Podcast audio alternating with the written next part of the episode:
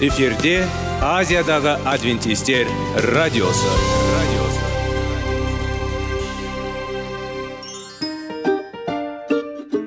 сәлем достар. Денсаулық өмір бұлағы және біздің бірінші байлығымыз демекші денсаулық сағаты рубрикасына қош келдіңіздер. Біздің рубрикада біз әртүрлі факторларменен мәліметтерменен кеңестерменен бөлісіп шын жүректен сіздердің дендеріңіз сау болғанын қалаймыз. Сол үшін біздің рубрикаға қош келдіңіздер. Дайындалып тұрыңыздар. Өйткені келесі минуттарда қызықты фактілерге ие боласыздар. Енді достар ең бірінші байлығымызды қолымызға алып алға кеттік.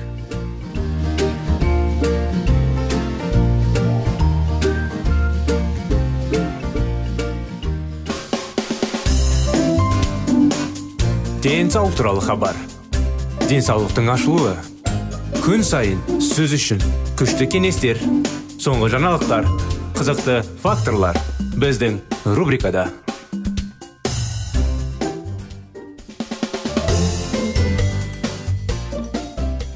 сәлем достар. Ассалаумағалейкум біздің құрметті радио тыңдаушыларымыз.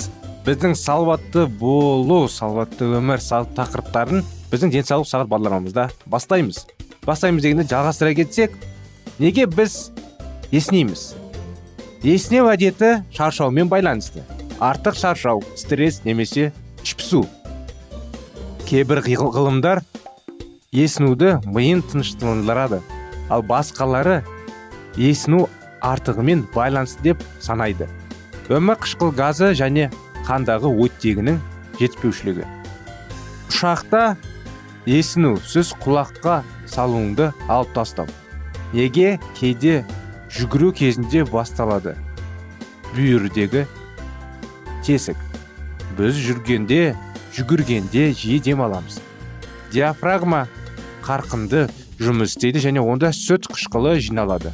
Ол бұлшық ауыра бастайды. Біз сезімсіз жағымсыз сезінеміз. Қыр жату болмаса бүйрек жату. Бұл жағдайда жаттықтырғанда спортшылар жүгіруді ауруды жалғастырады.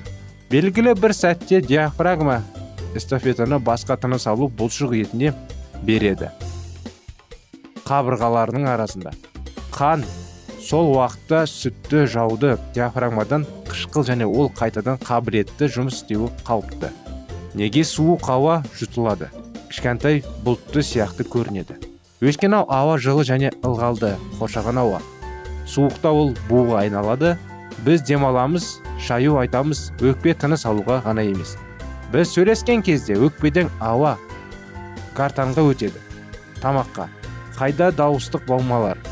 Ауа ағыны астында бумалар дірілдейді әртүрлі дыбыстар пайда болады.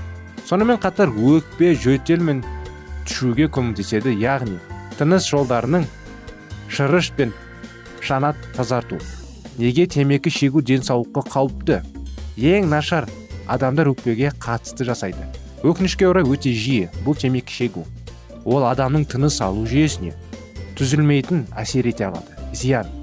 Өкпе бронхтары ұсақ кірпіктерімен төселген. Олар тозағыла отырып тыныс алу жолдары бөгде бөлшектер. Темекі түтіндеген темекі шегетін адам зиянды бөлшектер жейді. Бұл кірпіктерде олардың жұмысын бұзады. Осылайша өкпеде әртүрлі шайралар мен басқа да зиянды заттар жиналды. Өкпені бұзатын заттар. Темекі шегуге өте ауыр аурулардың себебі болуы және темекі шегуге әкелуі мүмкін. Мерзімінен бұрын өлімге. Тіпті түтін темекі дем алады. Басқа адамдар темекі шегетіндерге үлкен зиян келтіреді. Құдай біздің денеміз киелі рухтың ғибадатханасы деп айтады. Сондықтан біз оған зиян келтірмей өз денемізге қамқорлық жасауымыз керек. Өсімдіктер керісінше дем алады. Ауадан көмірқышқыл газын сіңіреді және бізге тыныс алу үшін қажетті оттегі бөледі.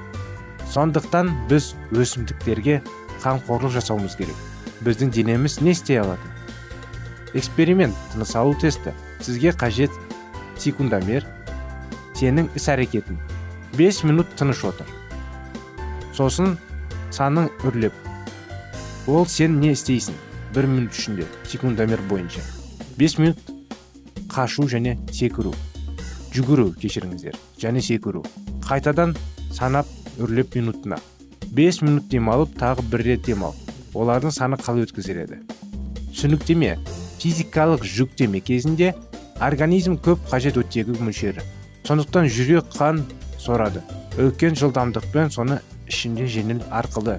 Демек өкпеге оттегі тезірек түсу керек. Сондықтан физикалық жүктеме кезінде көп демалу керек. Ол демалыс кезінде тыныс алу гимнастикасы жаттығулар тек бұлшық үшін ғана емес.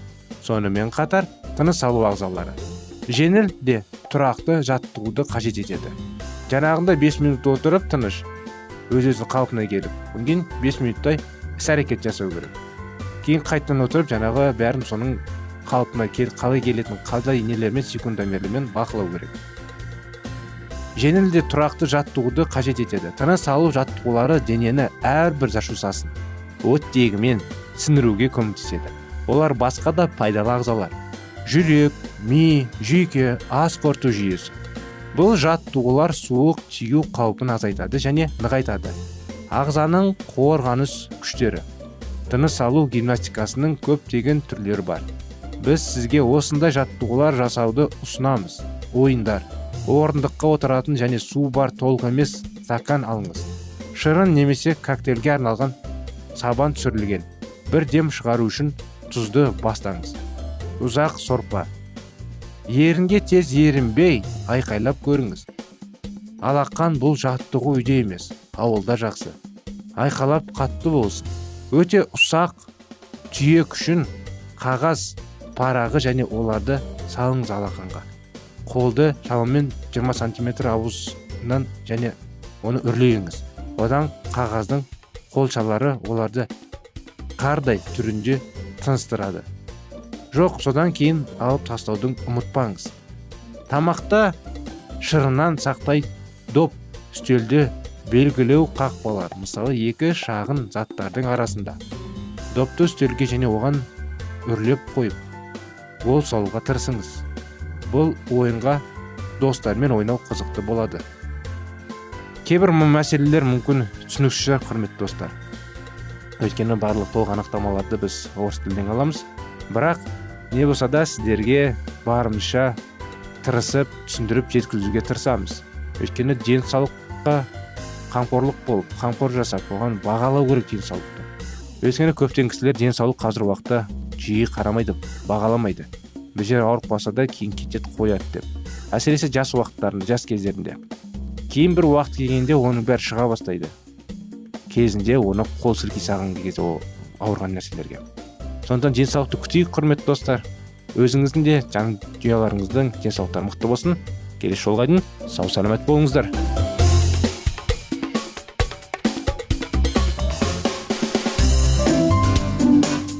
Денсаулық туралы хабар. Денсаулықтың ашылуы. Күн сайын сөз үшін күшті кеңестер соңғы жаңалықтар қызықты факторлар біздің рубрикада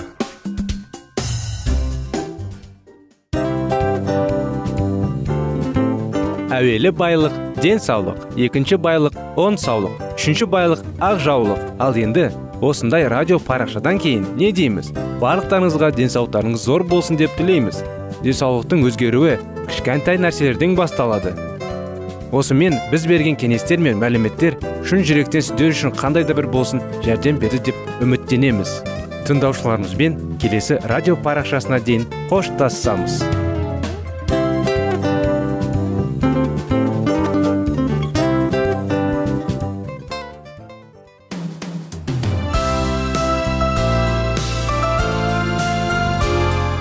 эфирде азиядағы адвентистер радиосы.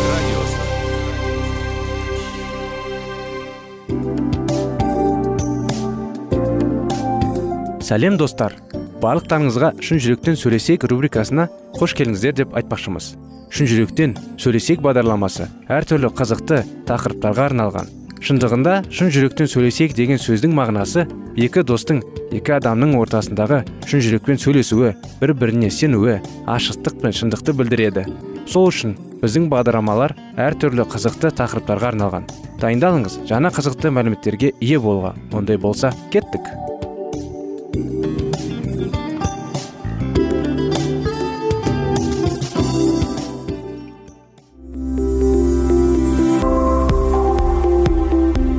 алтын сөздер. Сырласу. Қарым қатынас жайлы кеңестер мен қызықты тақырыптар. Шын жүректен сөйлесейік рубрикасында.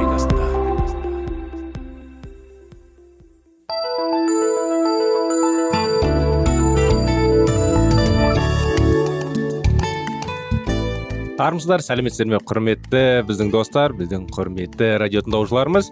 Бізбен бірге біздің шын жүректен сөйлесейік бағдарламамызда болыңыздар. Біздің бағдарламадан алыстамаңыздар сіздерді біздің бағдарламада көргенімізге қуаныштымыз. Баланың жүрегіне бес қадам тақырыптарын жалғастырамыз құрметті достар. 15 жасар чак дарынды бала. Ол жақсы айналасында оқуға ұнайды әрине оған. Алайда ата анасымен қарым қатынасы ода қиындау. Ол үйге тек жаман белгі әкеледі. Ата аналар үмітсіз бірақ ештеңе жасай алмайды. Чак мінез құлқы пассивті агрессияның классикалық жағдайы. Енжар агрессияны қалай тануға болады? Пассивті агрессияны тануға болатын бірнеше белгілер бар. Ата аналар мұны жасауы керек. Өйткені жаман мінез құлық. Басқа себептерге байланысты. Пассивті агрессия немен ерекшеленеді? Біріншіден баланың мінез құлқын түсіндіру мүмкін емес болса пассивті агрессиямен айналысатын боласыз. Мәселен чак жағдайында болды. Қабілетті ынталы бала және кенеттен жаман белгілер. Екіншіден егер баланың мінез құлқы түзету мүмкін болмаса біз пассивті агрессияға тап болдыңыз. Сіз не істейсіз? Нәтиже жоқ. Пассивті агрессияның мақсаты сізді ренжітіп сізге қиындық туғызу. Сондықтан жағдайды өзгертуге кез келген әрекет сәтсіздікке ұшырайды чактың ата анасы не істейді? Бәрі пайдасыз болды. Олар балаларға сабақ беріп сыйлықтарды жақсы белгілерге айырбастап тіпті жазалауға тырысты. Әр жолы олар дұрыс құралды тапты. Ол дәл әрекет етеді. Рас жақсару болды. Бірақ ұзақ емес. Олар өлі нүктеден жылжи алмады. Ештеңе оғаш пассивті агрессияны жеңу өте қиын. Чак мүмкін өзі түсінбейінше ата аналардың қарамағына түсуге ұмтылды. Өйткені мақсат оны ренжітуге болады үшіншіден баланың ата анасына қиындық туғызу үшін өзің өзі ұстанғанға қарамастан ақырында ол өзі зардап шегеді. Ол дұрыс қарым қатынасты құру өте қиын болды. Жасөспірімдегі пассивті агрессия. Пассивті агрессия сіздің ұлыңыз немесе қызыңыз 13-15 жаста болған кезде тек ерте жасылықта ғана ашу ызаның қалыпты көрінісі болып саналады. Және мұндай мінез құлық ешкімге зиян келтірмейтінін жағдайда. Бірте бірте жасөспірім ашуланады үйренеді және осында пассивті агрессияны кезеңі өткенде қалады. Бұл мінез болу керек. Алайда көбінесе пассивті агрессия өзін өзі ұстаудың үйренішті тәсілі мінез құлықтың ажырамас белгісі болып табылады. Тіпті ересектер де мұндай мінез құлықтан бас тарта алмайды. Олар қызметшілерге жұбайларға балаларға достарға қарсы пассивті агрессияны пайдаланады.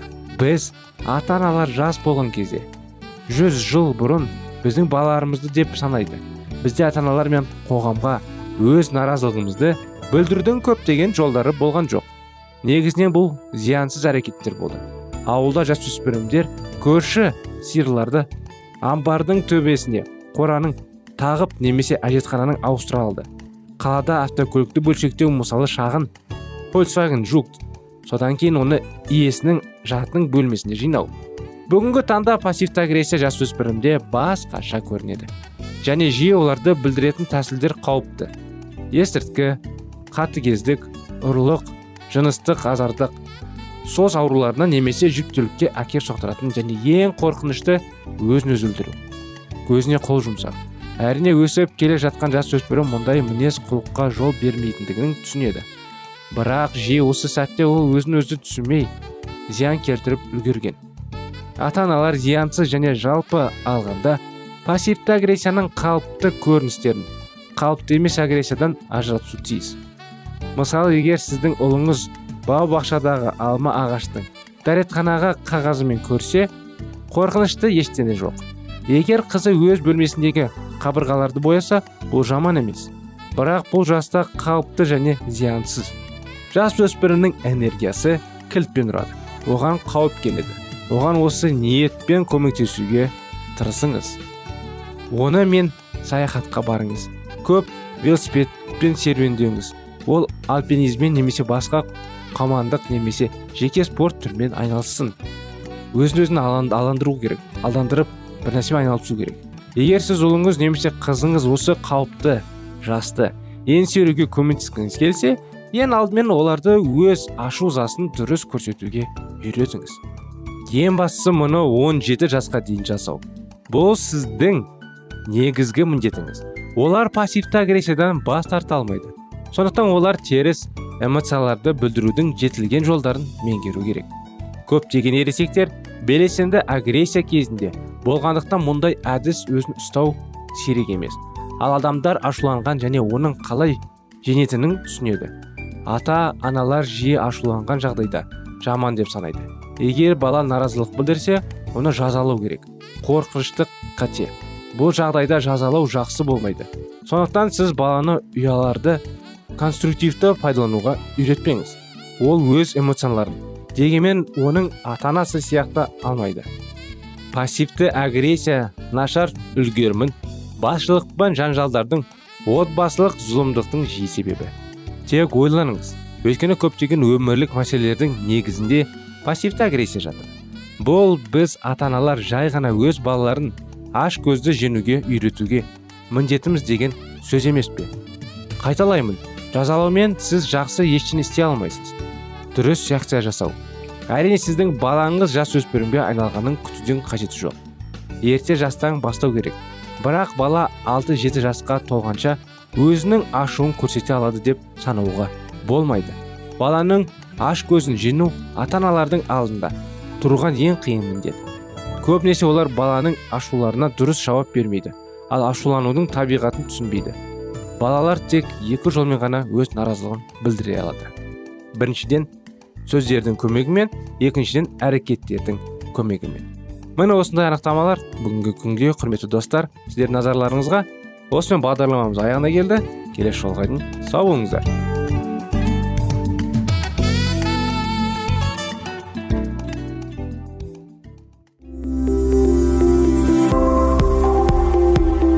Алтын сөздер. Сырласу қарым қатынас жайлы кеңестер мен қызықты тақырыптар. Шын жүректен сөйлесейік рубрикасында.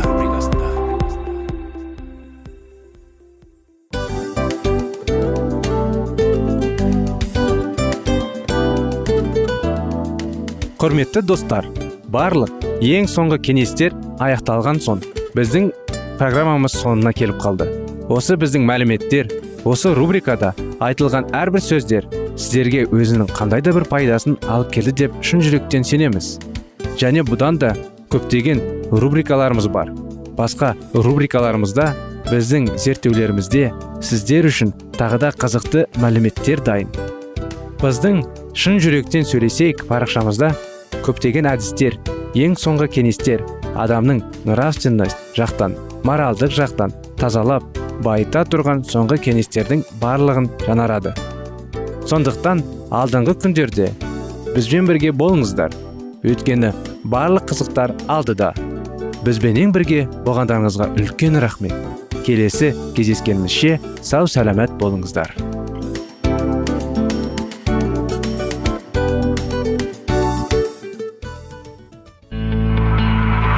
Жан дүниеңді байытқан жүрегіңді жаңғыртқан өмірдің мағынасын ойландырған рухани жаңғыру рубрикасы.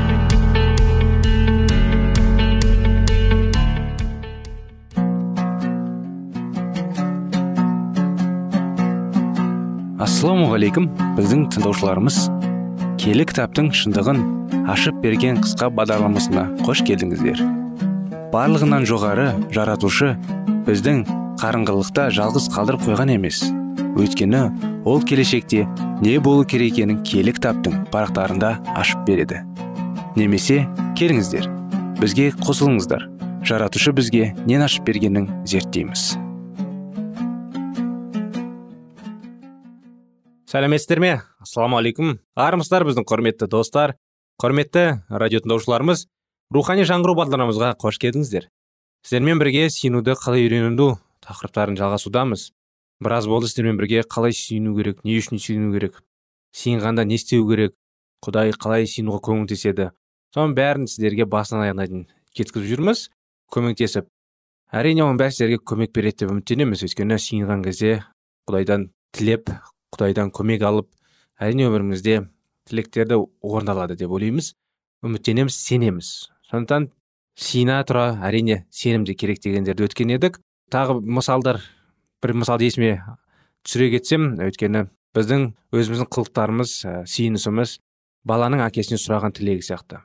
Әрине кішкентай бала жаңағы өзінің ата анасынан шын жүрекпен бір қалаған кезде сұрайды. Сол сияқты әкесі мен болмаса ата анасы қолынан келгенін істеп әрине орындағысы келеді. Сонда біз де солай әкемізден көктегі әкемізден сұрап үйренуіміз керек сүйінуіміз керек тілектерімізді. Құдай әрине көмектесуге тырысады. Сонда да сұраған кезде де сиынған кезде де дұрыс сұрауымыз керек. Әрине мағынасы бар нәрселерді. Әйтсе кейбір кісілер бір мағынасы жоқ нәрселерді сұрайды. Болып тұрады ондай нәрселер. Бірақ енді ойлап исаның мәслихатынан сиініп сұрап сұрасақ құдай бізге жауап беріп орындайды деп иса уәде береді. Сонда өткен бағдарламада естеріңізде болса айтқан едік кей кезде құдай жиі жауап береді дереу жауап береді кей кезде асықпай жауап береді. Кей кезде кейбір синыстарға жауап бермейді. Оның әрқайсысына өзінің несі бар мәселесі бар. Сондықтан сенудің түрі түрлері айтқан айтқан, айтқан едік өткен жолы. Сондықтан бүгінгі жолда сіздермен бірге мадақ. Адамдар құдайды ә, мадақтауды көне өсиет кезінде кезінде ақ үйренген. Құдайды сүйуші адамдар сол кезде ақ құдайды мадақтау жарларын айта берілген. Бұл забур жырларынан ақ көрінеді. Забур жырларының басым бөлігі құдайды мадақтау жырларының туралы және қалған бөліктері осының кіріспесі немесе қорытындысы. Әділдер қуана мақтандар жаратқанды адал жандарда мақтауды жарайсынды дейді. Тағы бір қайталап оқып берейін. Әділдер қуана мақтандар жаратқанды. Адал жандардың мақтауы жарасымды. Жабыр жырларының отыз екінші тарауында. Жан тәніммен жаратқан ені мадақтаймын. Шын жүректен қасиетті атын ардақтаймын сабыр жырының жүз екінші тарауы. Тірі жүрегімде жаратқанды даңқтаймын. Өмір бай құдайыма ән жырымды арнаймын. Келіңдер бірге жаратқанды мадақтайықшы бірігіп оны есімін марапаттайықшы. Мадақтандыр оны керемет істер үшін мадақтандыр оны зор ұлылығымен. Мадақ пен алғыс айту бір бірімен тығыз байланысты. Сырттай оларды ажыратуды өзі қиын. Олардың мәні құдайдың даңқын құрметпен қарау. Бірақ ежелден оларда айырмашылық болды. Алғыс айтқан сәтте мен өзіме істегендері үшін құдайды дәріптеймін. Ал құдайға табынған немесе мадақтаған сәтте мен оның тек бар болған үшін дәріптеймін. Сондықтан мадақтау алғыс айтудан жоғары тұр. Алғыс айтқан сәтте менің ойларым өзімді шыр көбілек айналады. Мадақ айтқан сәтте жан асқар беке көтеріліп құдайдың құдіретін мен оның құрбандығы рақымына тебірене мадақтау жырын айтады. Бірақ біз құдайдың құдіреті мен рақымын тек ол өзімізге ашып берген дәрежеде ғана сезінетін болғандықтан мадақ пен алғыс айтудың бір біріне ауысып тұратынын түсінуге болады. Біздің алғысымыз мадақтаудан көрінеді. Біздің мадағымыз өзінің мазмұнын жүзеге асқаны үшін алғыс айтқан игі істердің алады. Мадақтауды біз исаның аузынан екі рет естиміз оның бір әкесіне табыну. Көк пен жердің иесі әке. Осы жайттарды данышпандар мен білгіштердің жасырып қалып оларды ашып көрсеткені үшін сені дәріптеймін. Иә әке саған осылай болған ұнап тұр. Екінші мадақтау көктегі әкеміз мұнажаттан аяқтайды.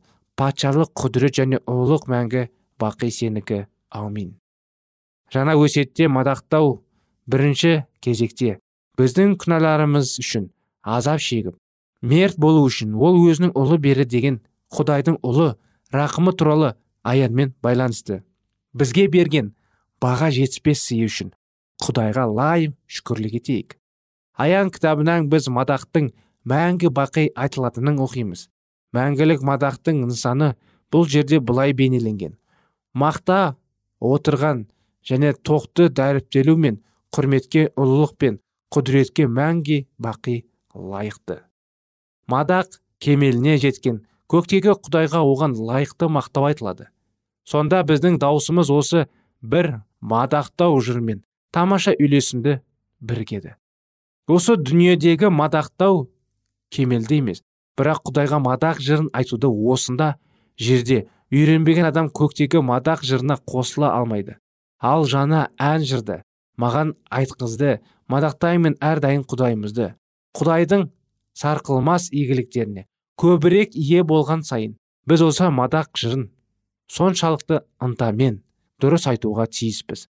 Сондықтан да елші бізді құдайды мадақтауды үйренуге шақырады. Бір біріңді забыр жырлары мадақтау өлеңдері және киелі рух тартқан әндер арқылы жігерлендіріп емізді ән күймен шын жүректен дәріптендер маған мадақтау жырларын айтуға біздің жиналыстарымызда және жүректерімізде жеткілікті дәрежеде мен бәрілмейтін секілді болып көрінеді. Ән жинақтарына қарайтын болсақ біздің әкелеріміз мадақ жырларына көбірек мән берген секілді. Қауым жиналыстарында көне мадақтау әнұранның көбірек айту қажет. Олар біздің жүректерімізді жылап сақтау алқабының осы дүниеде басымызға түскен мәселелерді түсіну оңайға түсетін мәңгілік биіктікке көтереді. Құдайды өзгелер құрастырған жырлар арқылы мадақтанан кейін оған өз сөздерімен мадақ айту оңай болады. Сабыр жырларында дәуіт сияқты біз әрдайым құдайды мадақтауға тырысуымыз керек. Егерде күш қуат көмек керек болса ақыл ой керек болса киелі кітапты жиі оқып әсіресе сабыр жырларын ашып оқыңыздар. Сонда дәуіт қалай құдайды мадақтап құдайға сиынатынын жайлы. Мінекей құрметті достар осындай кеңестер осындай анықтамалар. Осымен бағдарламамыз аяғына келді. Сіздерді келесі бағдарламаға шақырамыз. Келесі жолға дейін сау болыңыздар.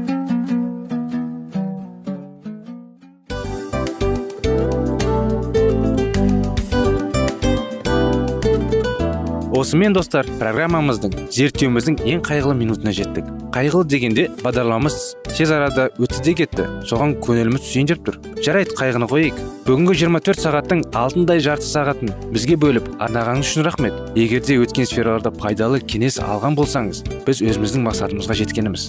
Тыңдаушыларымызбен қоштасу уақыты келді. Келесі кездесулерді сағынышпен күтеміз. Жарты сағатты кездесуіміз көз ашып шапқанша дем арасында өтіп кетті. Бірақ бізде жақсы хабар бар. Келесі зерттеулерімізде сөзсіз кездесеміз. Өйткені көптеген сюрприздер қызықты мәліметтерді және керекті нәрселерді көбін дайындадық. Бүгінгі күндеріңіз өзгеше позитивті болсын. Жақындарыңыз аман есен болсын деп тілейміз. Жаратқан ие барлықтарыңызға батасын берсін. Істеген істеріңіз игілікті болсын. Келесі кездескенше сау саламат болыңыздар. Достар біздің бағдарлама бойынша сұрақтарыңыз болса әрине сіздерге керекті анықтама керек болса біздің whatsapp нөмірімізге хабарлассаңыздар болады. Плюс бір үш жүз бір жеті жүз алпыс алпыс жетпіс. Иә достар сіздер қателеспедіңіздер бұл біздің номерлерге ұқсас болмаса да бұл whatsapp номер арнайы. Хабарласыңыздар сұрақтарыңызды қойып тұрыңыздар. Анықтаманы алып тұрыңыздар. Плюс бір үш жүз бір жеті жүз алпыс алпыс жетпіс whatsapp номері